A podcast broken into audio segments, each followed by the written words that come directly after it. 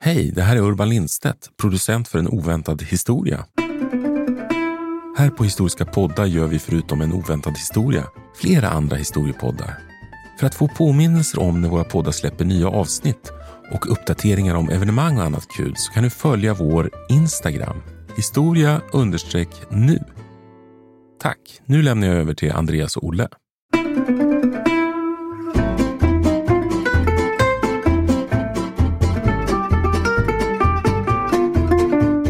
Och det är ju ganska lätt att förstå att Caesar väckte starka känslor hos många.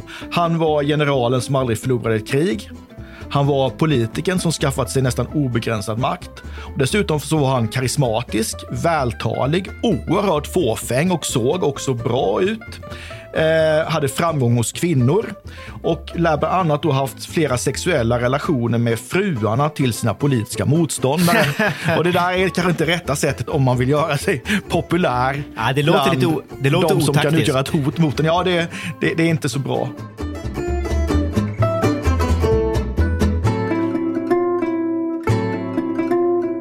Podden En oväntad historia utgår från en liten händelse för att med glimten i ögat berätta den stora historien.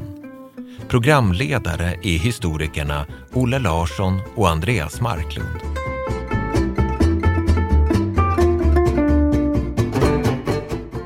Hallå Andreas! God morgon! Hur är läget? Det är faktiskt alldeles utmärkt. Juligt och härligt. Trevligt. Jag får passa på att säga god fortsättning. Ja, men tack detsamma. Tack detsamma. Trevligt att ses igen. Ja, verkligen. Verkligen. Det har varit lite tomt utan dig. Ja, detsamma. Jag satt och tänkte förra veckan att det är ju så här att det finns vissa historiska personer som nästan alla människor verkar känna till namnet. Alltså Ja, oavsett om de är historieintresserade eller inte. Ja. Och jag tänker då exempelvis på naturligtvis Adolf Hitler.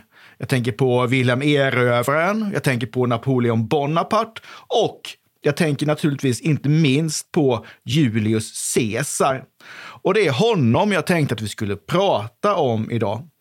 Alldeles Så jag utmärkt skulle vilja börja och ställa en fråga till dig, Andreas. Ja. Hur ser din relation till Caesar ut och när träffade du på honom för första gången? Alltså, vi, vi har en ganska utmärkt relation faktiskt, jag och Julius Caesar. Mm, vad trevligt. Ja, ja fakt, faktiskt. Jag, jag, jag vet inte om jag vill gå så långt som att kalla den för personlig, men den, den är heller inte ytlig.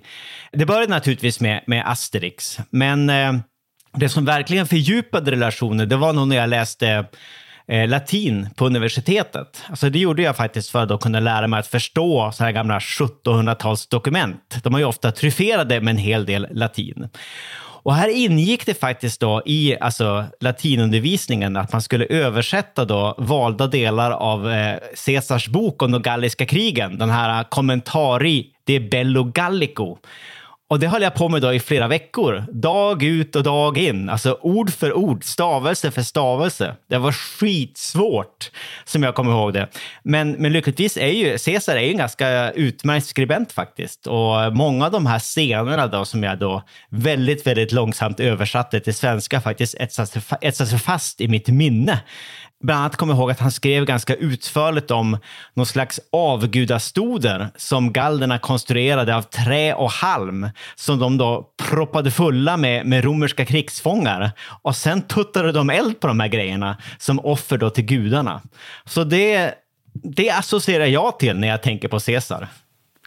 Ja, jag, jag försökte rannsaka mig själv och försöka komma på när jag stötte på honom första gången. Jag tror att det var, det kan ha varit när jag var liten och blev intresserad av grekisk och romersk mytologi.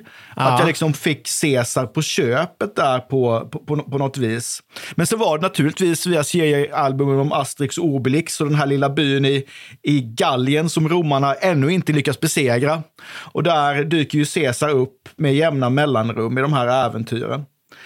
Men det kan också vara så att jag träffade på honom på riktigt. Det var också när jag läste latin faktiskt, men det här var på, på högstadiet, eller förlåt, Ja, på, ju- på, ju- gymnasiet. Jag gick ju halvklassisk eh, variant på humanistisk linje. Jag läste latin sju timmar i veckan och läste oj, oj. också det Bello Gallico. Och jag hade en fantastisk latinlärare som kunde brodera ut alla latinska bevingade ord och citat och sätta in dem i ett sammanhang. Och där stötte man ju på då alia jakta est, tärningen är kastad. Man stötte på veni vidi vici, jag kom, jag såg, jag segrade. Och inte minst då et brute, även du min Brutus, Just som det. eh, Caesar då ska ha yttrat när han blev mördad. Och den här händelsen ska vi återkomma till, tänker jag. Men nu ska du få följa med mig tillbaka till antikens Rom. Ja. Närmare, närmare bestämt till en tidpunkt då den romerska republiken, som då har funnits sedan år 509 före Kristus, ligger i dödsryckningar. Och nu är det tidigt på morgonen. Det är den 15 mars år 44 före Kristus. Och dagens huvudperson, Julius Caesar, vaknar hemma i sin bostad efter en natt fylld av obehagliga drömmar. Och mitt i natten hade dessutom ett fönster slagits upp på vid gavel, till synes utan någon som helst anledning. Och det här uppfattar Caesar som ett järtecken. Även hans hustru Kalpurnia har haft obehagliga drömmar under natten och man har också under en tid kunnat se flera illavarslande tecken runt om i det romerska riket. Tecken som har varslat om olyckor och kanske rent av ond bråd död. Jag talar om plötsliga ljussken på himmelen, eh, människoliknande gestalter i eld, konstiga vildfåglar som slog sig ner på Forum Romanum. Saker var helt enkelt inte riktigt som de skulle. Och dessutom sa en spålman vid namn Spurinna uppmanat Caesar att noga akta sig för en dag kallad Idus Martiae, alltså den 15 mars. Och den här dagen var tanken att Caesar skulle delta i ett möte på senaten. Men den här oroliga natten gör att han, är, ja, han undrar om han verkligen ska gå dit. Och dessutom så säger hans syster till honom att han ska stanna hemma därför att saker och ting ser inte bra ut. Och han känner sig inte alldeles pigg heller, så han bestämmer sig för att helt enkelt följa sin hustrus, hustrus råd och stanna kvar. Och samtidigt som Caesar bestämmer sig för att vara hemma så väntar en samling människor på honom vid Kurien i Rom. Eller förlåt, vi befinner oss nu i Pompejus teater på massfältet. Där en grupp senatorer står. De är 60 stycken ungefär. Och de ingår i en sammansvärjning som har bestämt sig för att just den här dagen så ska de ta Caesar av daga. Och de står här och väntar och de undrar varför kommer han inte? Var är han någonstans? Är det så att deras planer håller på att gå om intet?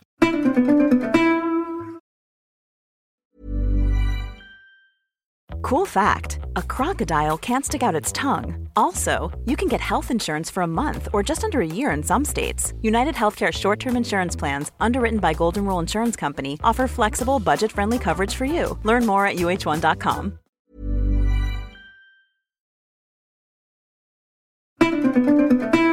Innan vi går vidare och tittar på vad som händer då vidare den här dagen den 15 mars så behöver vi nog gå tillbaka lite i tiden och säga några ord om vem Caesar var, hur hans karriär såg ut och varför han var så avskydd att en grupp senatorer bestämt sig för att mörda honom. Kan du hjälpa mig med det, Andreas? Ja, jag ska väl göra mitt bästa. Eh, alltså till att börja med så föddes han ju omkring år 100 före Kristus eh, i Rom i juli månad. Och hans fullständiga namn var ju faktiskt då Gaius Julius Caesar. Och det var ju även då hans pappas namn, medan mamman hette Aurelia Cotta. Och det är väl lika bra kanske att fastslå redan nu att han kommer ju från eh, ytterst, vad ska man säga, förnäma förhållanden. Alltså familjen var, det var en väldigt fin romersk adelsfamilj, alltså det man kallar för en patricierfamilj, som tillhörde den här äh, julianska ätten, alltså Jens Julia, som var en av de här riktigt, riktigt gamla eh, romerska adelsfamiljerna. Pappan var ju då också senator, alltså pappan var ju, liksom Julius Caesar senare blev, alltså han var ju politiker, en romersk statsman. Så eh, det började rätt bra, onekligen. Och sen, sen gifte han sig väl i väldigt späd ålder med en kvinna vid namn Cornelia och blev även pappa i ganska unga år. Alltså, som jag förstår hans biografi var han närmast en, en romersk tonårspappa. Alltså, han fick ju dottern då Julia, så senare gifte sig då med den här väldigt famösa fältherren och, fältherren och politikern Pompejus så senare då blev en, en, vikt, en väldigt viktig språngbräda för, för Julius Caesar i hans politiska karriär.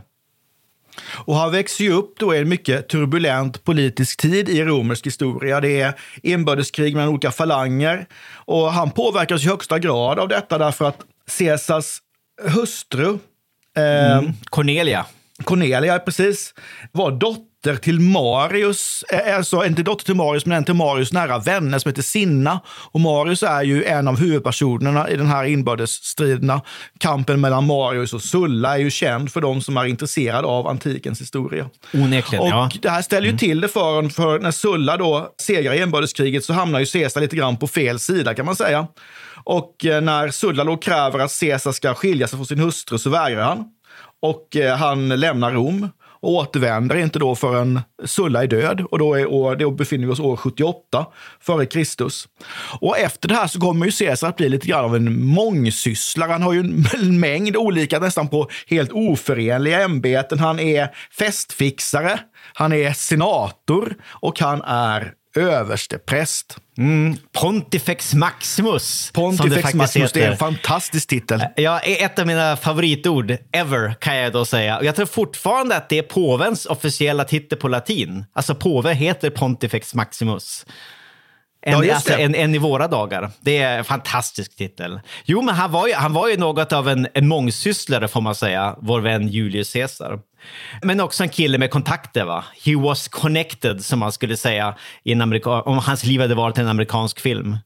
Han hade goda förbindelser och det här gör ju att det är ju nu när han återvänder till Rom som han börjar få mer utvecklade politiska aspirationer än, än tidigare. Och han kom ju nu också i kontakt med några av Roms mäktigaste män, nämligen generalen Pompeius och den oerhört rike Crassus. Just det. Och tillsammans med dem så bildar han en allians, det som vi känner som det första triumviratet. Och tack vare den här alliansen så lyckas han bli vald till konsul år 59. Som är en slags, eh, kan man säga då, statsminister eller högsta ämbetsman. Ja, Vald- man kan väl säga att det är det högsta ämbetet som finns i Rom. Rom Ja, styrdes ju av två stycken konsuler och Caesar blir den ena av dem. Som skulle liksom balansera varandra lite grann. Alltså det här med checks and balances ingick ju liksom i varje, varje vad ska jag säga, fiber, varje Ja. kvadratmillimeter av den romerska konstitutionen. Allting Det är, ju, skulle... det är ju mycket i den här romerska konstitutionen som gör att man är, man är väldigt rädd för att någon ska tillskansa sig för mycket makt. Som Sulla hade gjort. Sulla utropade sig själv som diktator. Gjorde han inte det? Och diktator var ju också ett av de här ämbetena i Rom där man kunde ut, utse en diktator i händelse av ja, nationella katastrofer, olyckor, krig. Men den här var ju tidsbegränsat, var ju tanken att man kunde vara diktator max i sex månader. Precis, det var någon slags krisledare. Men samtidigt som han blir konsul så blir han ju också prokonsul över flera provinser. Och det är det här, det det är ju nu han kommer till Gallien. Ja, precis. Och eftersom han var prokonsul så kunde han ju också rekrytera egna soldater. Han kunde sätta upp egna eh, legioner. Och vid den här tiden så var den romerska värnpliktsarmén avskaffad och ersatt av yrkessoldater. Och det här skapar ju en situation där trupperna ligger ute i fält under lång tid, på långt avstånd från Rom. Vilket gör att deras lojalitet ofta kommer att hamna hos deras egen befalhavare snarare än hos den romerska republiken. Och eh, armén blir ju nu också på det här sättet en politisk maktfaktor. Det är ju någonting som Caesar kommer att utnyttja. Ja, precis. Det blir, armén blir som en, en- legionen blir som en stat i staten. Eller en republik i, i republi, mitt i republiken. Och han är ju en framgångsrik fältherre. Eh, han eh, slår ju ner flera germanstammar. Och det är ju de här krigen då som han skildrar i boken som vi kom, som både du och jag har läst under våra mödosamma latinstudier, nämligen De Ja, Bello ja. Gallico. Ja, som då precis. inte betyder den vackra gallen, utan just det galliska, kri, ga- galliska kriget. Eh, exakt, exakt. Stor skillnad. Och här dyker det också upp en känd germanledare som besegras av Caesar som heter Vercingetorix. Som sen förs till Rom och avrättas under högtidliga former i samband med triumftåg. Enligt tidens sed så blev han faktiskt strypt till döds. Ja, det där är väldigt brutalt. Och eh, ja, han är så pass populär då, Caesar i Rom, att han får sitt förordnande förlängt med stöd av de här triumvirerna. Och han får ytterligare fem år i Gallien då, från och med år 57. Och eh, det bestäms också då att Crassus och Pompeius då ska bli konsuler. Men vad händer sen? Ja, men sen eh, börjar ju allt fler medlemmar då av, eh, vad ska man säga, av senaten, eh, de romerska makthavarna, de börjar bli oroade då över att den här eh, Caesar, att det går så pass bra för honom. Han gör ju då enorma framgångar, otroligt eh, populär i största allmänhet, inte minst då hos eh, plebejerna, alltså då, den vanliga befolkningen då i Rom. Alltså han har ju under sina år som festfixare så har han ju liksom skaffat sig ganska starkt folkligt stöd, måste man komma ihåg. Alltså han, var ju, han var ju väldigt bra på att göra PR för sig själv. Men alltså det händer ju grejer. Alltså hans dotter Julia dör ju dessvärre i ganska ung ålder, 54 före Kristus. Och det gör ju då att bandet till den här Pompejus, alltså hans gamla, kan man kalla det en slags välgörare eller något sånt där, det försvagas ju kraftigt och sen dör ju då den här Crassus som var den eh, and, eh, tredje delen av det här triumviratet. Så eh, triumviratet upphör helt enkelt att existera. Och Pompejus, han vänder ju liksom eh, kåpan efter vinden och ställer sig då på liksom eh, Caesars belackares sida och kräver att Caesar, som anses ha blivit alltför mäktig, militärt inte minst, att han ska då upplösa sina legioner och återvända till Rom. Och det vägrar ju Caesar göra. Så istället så bestämmer han sig för att marschera mot Rom med sina trupper, vilket han absolut inte får göra. Och det är ju det här sambandet vi ska se, det här ett av de mest kända berömda orden, nämligen alia jakta est, tärningen är kastad, som han då har lär ha yttrat samtidigt som han gick över gränsfloden Rubikon i januari år 49 före Kristus. Alltså, nu är nu finns det ingen återvändo, eh, lagt kort ligger, nu är det bara full fart framåt som gäller. Och här en, en, bara som en inflikning, det finns ju då vissa källor som gäller gällande att han egentligen sa någonting på grekiska. Någonting med kubum, alltså tärningen är kastad fast på grekiska. Det kanske vi kan återkomma till senare. Alltså det här med att det, att, att det ibland många av de här klassiska Caesar-citaten som vi förknippar med språket latin, förmodligen då, eller enligt vissa då, uttolkare, yttrades på, på grekiska istället. För det som händer nu det är att du utbryter ett eh, veritabelt inbördeskrig i, i Rom. Caesar marscherar mot Rom, han besegrar flera städer. Flera romerska garnisoner ansluter sig till honom. Han eh, lyckas genom politiska intriger i Rom få den lojala Antonius vald till folktribun. Just det, det, här var Marcus ett, ett ämbete ja. som eh, man använde för att kunna kontrollera senaterna i de beslut som gällde eh, plebejer, som Antonius blir alltså folktribun. Det här kriget förs på flera fronter. Romarriket är ju väldigt stort. Man krigar i Spanien, man krigar i Afrika, man krigar i Grekland. Han besegrar sina fiender en, en, efter, en efter en. En del väljer att byta sida. Andra, till exempel då Pompejus, blir dödad. Caesar hamnar ju också i Egypten, där han eh, inleder en relation med drottning Kleopatra som föder honom en son som får namnet Caesarion. Och det är ju i samband med de här fälttågen som man skickar budet till Rom som är kristallklart. Veni, vidi, viki. Jag kom, jag såg, jag segrade. Underförstått, jag är oövervinnlig. Mm. År 47 kommer han tillbaka till Rom. Ett stort triumftåg anordnas. Stora offentliga spel. Han delar ut pengar till folket. Han gör sig populär. Och i den här vevan så utses han då till diktator på livstid. Inte de här sex månaderna, utan på livstid. Just det, precis. Och samtidigt så adopterar han sin egen systerson som heter Octavianus, som kommer att spela en viktig roll lite längre fram, men det återkommer vi till. Och nu finns det många då i den romerska senaten som fruktar då att Caesar har fått hybris, att han funderar på att förvandla den romerska republiken, som då har funnits i nästan 500 år, till ett kungadöme med sig själv som kung. Och det är den här situationen då som en grupp senatorer bestämmer sig för att Caesar måste röjas ur vägen. Och det är då, då, då, är vi, då är vi tillbaka den här dagen där vi började, alltså Idus Martiae den 15 mars år 44. Och det är ju ganska lätt att förstå att Caesar väckte starka känslor hos många. Han var generalen som aldrig förlorade ett krig. Han var politikern som skaffat sig nästan obegränsad makt. Och dessutom så var han karismatisk, vältalig, oerhört fåfäng och såg också bra ut. Eh, hade framgång hos kvinnor och lär bland annat då haft flera sexuella relationer med fruarna till sina politiska motståndare. och det där är kanske inte rätta sättet om man vill göra sig populär Ja, det låter bland lite det låter de som kan otaktiskt. utgöra ett hot mot en. Ja, det, det, det är inte så bra. Men Andreas, vad händer du den här morgonen? Vi är tillbaka vid Kurian på Marsfältet i Rom utanför Pompejus teater där de sammansvurna får vänt, stå och vänta på dem. Och Caesar kommer inte. Vad gör Nej, man? precis. De blir väl lite svettiga, så det slutar med att de skickar iväg en slags eh, emissarie, alltså hem till Caesar. En viss Decimus Junius Brutus Albinus, ett, ett fantastiskt namn, som, som dock inte då att förväxla med den andra Brutus, alltså ett Brute Brutus, som jag förmodar att vi kommer att återkoppla till lite senare.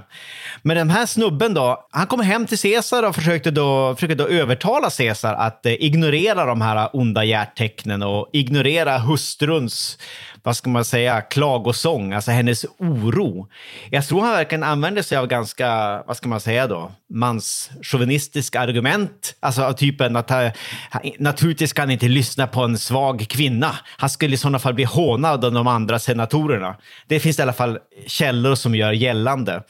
Och så tror jag att han dessutom lockade Caesar med någon slags eh, kungakrona eller någon slags diadem, tiara. Eh, alltså kungatiteln helt enkelt. Han skulle få bli Rex. Och det var väl det som avgjorde saken tror jag. Så han fick då den här store mannen, Caesar, att följa med honom till senaten. Höll han till och med Caesar i handen tror jag.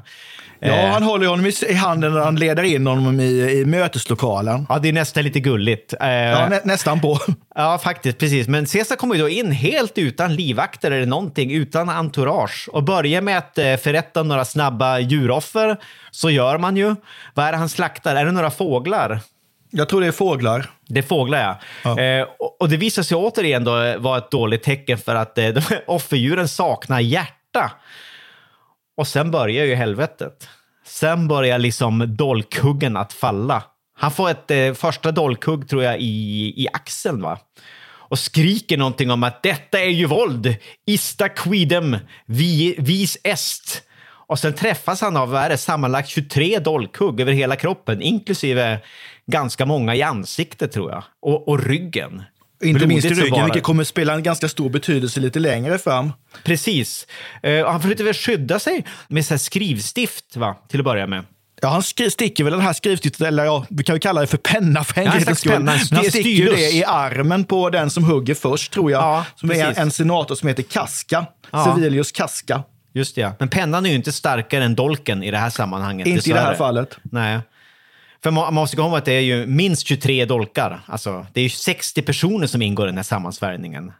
Och han är ju chanslös. ja. Och eh, han lär ju då ha dragit upp sin tåga för ansiktet för han inte vill att de, de som står runt omkring honom ska se honom dö. Och så faller han ihop då vid en staty som då ironiskt nog föreställer hans före detta allierade och senare fiende Pompejus som då dog i det här inbördeskriget. Precis. Alltså, jag tycker mitt intryck är att han uppför sig ändå relativt kontrollerat och med viss värdighet här mot slutet. Alltså det är blodigt som bara den.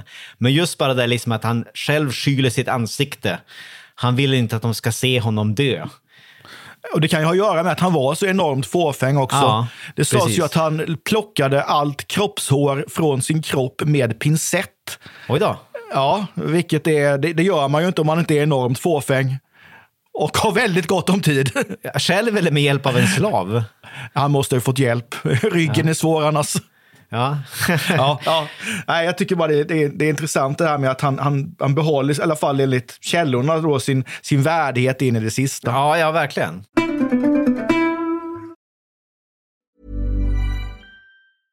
Cool fact a crocodile can't stick out its tongue. Also, you can get health insurance for a month or just under a year in some states. United Healthcare short term insurance plans, underwritten by Golden Rule Insurance Company, offer flexible, budget friendly coverage for you. Learn more at uh1.com. Hey, I'm Ryan Reynolds. Recently, I asked Mint Mobile's legal team if big wireless companies are allowed to raise prices due to inflation. They said yes. And then when I asked if raising prices technically violates those onerous two year contracts, they said, What the f are you talking about, you insane Hollywood ass?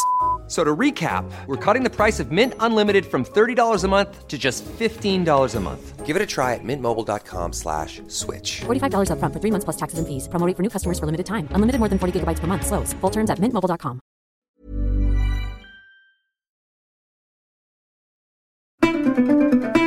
Men då kom vi in på det här med hans sista ord. Vi har nämnt e tu brute, även du min Brutus. Ja, Och här finns det ju li- olika- uppfattningar då från att vissa menar att han inte sa någonting alls.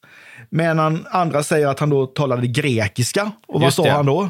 Han ska, som sagt, jag lärde mig då när jag läste latin att, att, att han egentligen sa då kaisu teknon, alltså även du mitt barn, fast på grekiska. För att en bildad man som Caesar talade naturligtvis grekiska i offentliga sammanhang på den här tiden. Även om, alltså latin för honom då, bisarrt nog, var ju, det var ju som hans vardagsspråk. Men det mest kända är ju ändå då, det som jag tror de flesta förknippar med Caesars död, är ju då e tu brute, även du min Brutus. Och det är ju en anspelning på att en av mördarna var en man vid namn Brutus som var Caesars oäkta son tillsammans med en kvinna som heter Servilia. Just det. Men var kommer det här ifrån egentligen?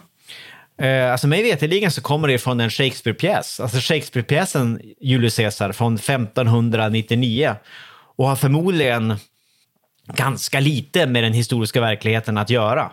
Och det är ju en pjäs som har varit väldigt viktig för liksom att forma bilden, alltså sen tidig modern tid egentligen, av hur det här mordet gick till i det allmänna europeiska historiemedvetandet. Det är ofta Shakespeare vi lutar oss tillbaka mot.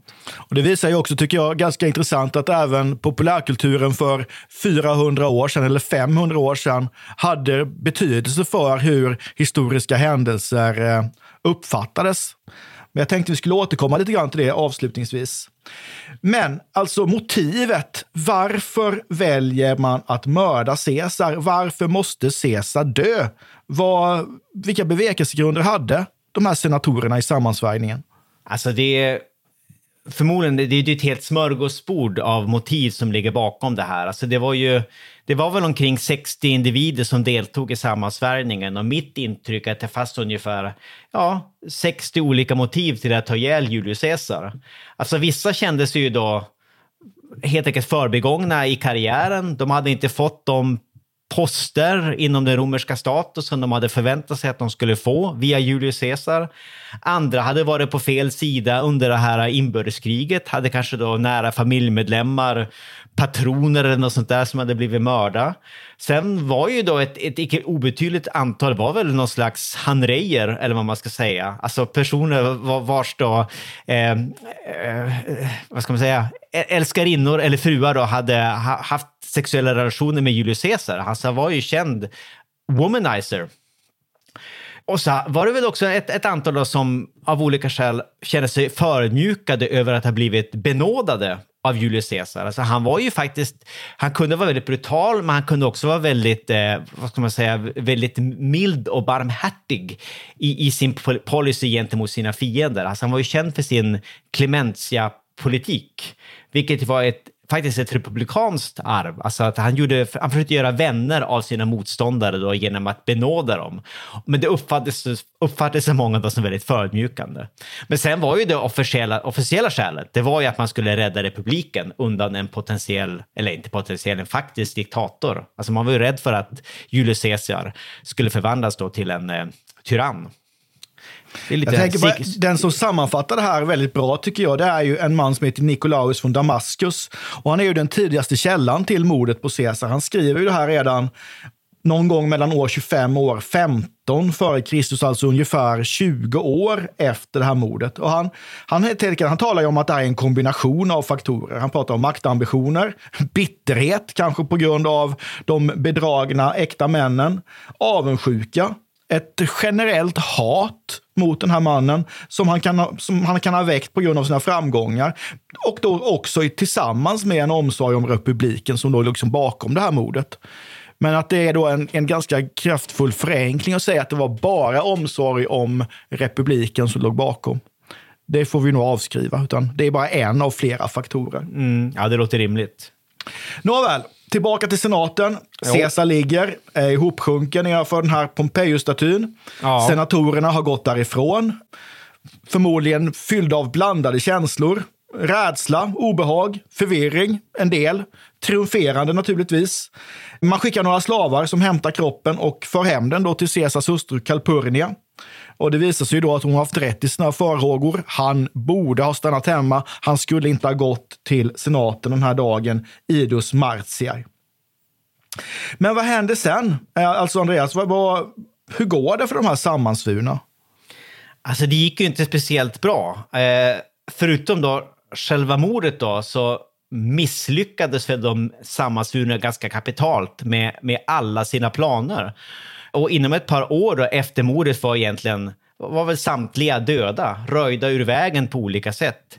Istället bryter det ut en maktkamp då mellan då Caesars närmaste man, han här Marcus Antonius, som visar sig vara en väldigt kraftfull aktör som väldigt tidigt tar initiativet på den ena sidan och på den andra sidan då Caesars adoptivson Octavianus, som vi kanske återkommer till lite senare. Men eh, han, han är ju den som, som blir senare då den första riktiga kejsaren, Augustus.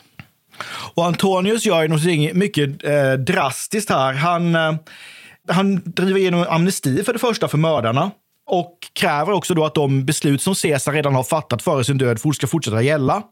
Och han vill också då att Caesars testamente ska offentliggöras och att den mördade Caesar ska få en offentlig begravning. Och det här kommer ju att få förödande konsekvenser för de sammansvurna och inte minst begravningen, som är en mycket välregisserad tillställning, gör ju att ett enormt hat piskas upp mot mördarna. Just det, alltså hos befolkningen. Ja. ja. Ja, man inleder med att läsa upp det här testamentet och folket blir ju vansinniga när det visar sig att Caesar har skänkt trädgårdar till dem, stor summa pengar. Alltså han var inte någon tyrann i folkets ögon. Han är en välgörare. Antonius eh, håller ett mycket känt tal som också har blivit evigt genom Julius Caesars förlåt, genom Shakespeares pjäs om, om Julius Caesar. Det här Antonius begravningstal som är ett retoriskt mästerverk. Där han inleder med att eh, beskriva de här eh, lojalitetsederna som senatorerna svurit till Caesar. Och han hade, de har förklarat honom för fäderneslandets okränkbara räddare och fader. Och det här innebär att det de har gjort sig skyldiga till är ju inget mindre än ett fadersmord. Alltså ett av de värsta brott man kunde begå i ett romerskt rättsmedvetande. Just det, de var inte tyrannmördare, de var usla fadersmördare. Usla fadersmördare. Patricider. Precis. Och så fortsätter han med att berätta om alla Caesars bedrifter, alla krigen, alla segrarna. Och sen så lyfter han ju upp Caesars blodiga tåga. Och man visar också upp Caesars eh, knivhuggna kropp. Jag tror att det är en kopia, alltså av en, det är en vaxdocka som oj, man visar oj, oj. upp av, av Caesar. Där man ser alla de här 23 dolkhuggen som har träffat honom överallt, alltså i ansiktet och på kroppen.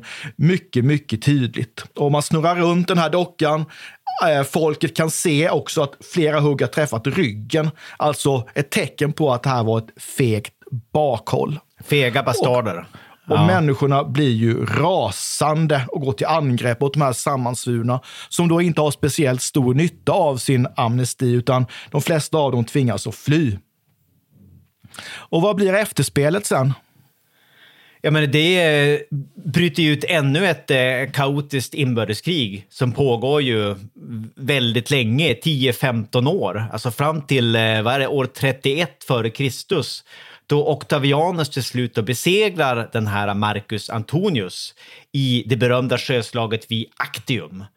Och, och han befinner sig då hos Kleopatra som tidigare älskarinna till Caesar, så det är mycket intressanta ja, det, det, är rätt många förvecklingar här faktiskt. Ja, då, det får man eh, säga. Som, som är väldigt många vad ska man säga, tv-serier eh, värdiga. Och det här har också blivit till diverse tv-serier och, och, filmer av olika slag. Jag tänker på den där fantastiska Rome. Har du sett den, Olle? Ja, den är fantastisk. Som gick i två säsonger. Jag tänker även på den här, vad heter den nu? I Claudius. Men det är ju i och för sig då en lite, lite senare fas. Just det, den gick på tv på 70-talet tror ja, jag. Just det, precis. Med den stammande tjejen. Ja, den är fantastiskt jag, bra. Det är helt, helt fantastisk. Ja.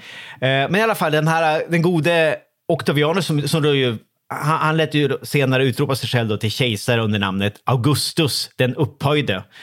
Och därmed blir då Rom då ett kejsardöme, men det är en annan historia. Men vi kanske ska nämna här då, apropå alla dessa språkliga övningar vi har kastat, kastat oss ut i, att ordet kejsare kommer ju då naturligtvis från, från Caesar. Det är något av det man lär sig när man läser latin, att eh, kejsare på latin uttalades förmodligen Kesar, Kaiser. Kesar. Jag, jag har alltid varit skeptisk för jag tycker att det låter som, som keso. Men det finns en etymologisk koppling där. Alltså, den första kejsaren är ju liksom för vidare Caesars namn. Och det är också och det, det är, som vi... Ja. Och det är också därför det är så svårt när man undervisar just om romersk antik historia att få eh, studenterna, eleverna att förstå att Caesar aldrig var kejsare. Han har givit upphov till namnet kejsare, men själv var han diktator i Rom. Precis, precis. Man kan alltså säga då att eh, det här mordet på Caesar markerar gränsen mellan två perioder. Det är ju liksom gränsen mellan den romerska republiken och den romerska kejsartiden. Och samtidigt är det här en händelse som jag intressant nog tycker är eh, alltså egentligen ännu mer spännande än, än, än, än, bara händelsen i sig. Därför att det här är också ett bra tecken på att populärkulturen, i det här fallet då Shakespeare, att hans skildring av den historiska verkligheten har blivit verkligare än verkligheten själv. Ja, apropå det. populärkulturens kraft. Ja, ja. Eh, och det finns ju flera sådana här händelser i historien där populärkulturen spelar en väldigt stor roll för hur bilden av händelsen sett ut. Du, kan du ge några exempel på det, Andreas, här avslutningsvis? Uh, oj då, ja, ja men det, det, det är massor naturligtvis. Alltså spontant, nu är jag inte lika förfinad som du är och tänker på Shakespeare till vardags. Jag tänker på Titanic. Och jag tänker på den där storfilmen från, på den där storfilmen från 90-talet då, av David Cameron var, va? James Cameron hette han nog. Eh, med Leonardo DiCaprio i huvudrollen i alla fall och Kate Winslet. Den tror jag har format mångas bild av liksom, Titanics sista färd. I mitt fall är det nog ännu mer Mikael Wiehes sång från 70-talet. Det började som en skakning på nedre däck, alltså Titanic, som mina föräldrar lyssnade på. Mina föräldrar var ju proggrockare på den tiden. Men annars, eh, andra världskriget, massa olika aspekter. Holocaust, dagen D, motståndsrörelsen. Eh, när jag var barn så såg man den här tv-serien Den hemliga, hemliga armén, gick på 70-talet, början av 80-talet. Som då formade min bild av förhållandet mellan SS-Gestapo å den ena sidan och eh, Wehrmacht Luftwaffe och den andra. Alltså de onda respektive de mindre onda, ofrivilliga nazisterna. Uh, och den kom ju då också som parodi på 80-talet och hette Allå, allå, Hemliga armén. Just som det. Säkert, ja, som, också, som också en del av den där, vad ska man säga, populärkulturella historiska cocktailen. Och jag tänker också på den här som har blivit eh, den som gick upp på svensk tv 1979 som hette eh, Förintelsen. På engelska Holocaust. Som jag tror blev liksom eh, den som kom att forma en hel generation europeers bild av förintelsen faktiskt, och inte bara europeer kanske, utan även i USA. Den fick ju en, en, ett enormt genomslag och sågs av en mycket stor publik. Och man säger ju ibland att det finns ett före och efter den här tv-serien Förintelsen. Efter det så blir verkligen Förintelsen en, en del av en europeisk eh, historiekultur på riktigt det. allvar. Det var med, var det James Woods var med i den va? Tror jag. Och kanske Ja. en ung Meryl Streep. Meryl Streep får ju sitt stora genombrott här. Ja, just det. Just det. Ja, det är en fantastisk tv-serie. Hur som helst. I högsta grad. Och jag tänker vi kan väl återkomma till det här med, med just eh, hur populärkulturen formar bilden av det förflutna i ett annat program. Helt klart. Men då tror jag vi säger tack och hej för idag. Trevligt. Tack, tack detsamma. Väldigt trevligt. Som vanligt. Ja, alltid. Ha det bra. Hej då. Hej då! Vi tackar programledarna Olle Larsson och Andreas Marklund. Kontakta gärna Olle och Andreas på historia.nu. Vi läser allt, men hinner kanske inte alltid svara.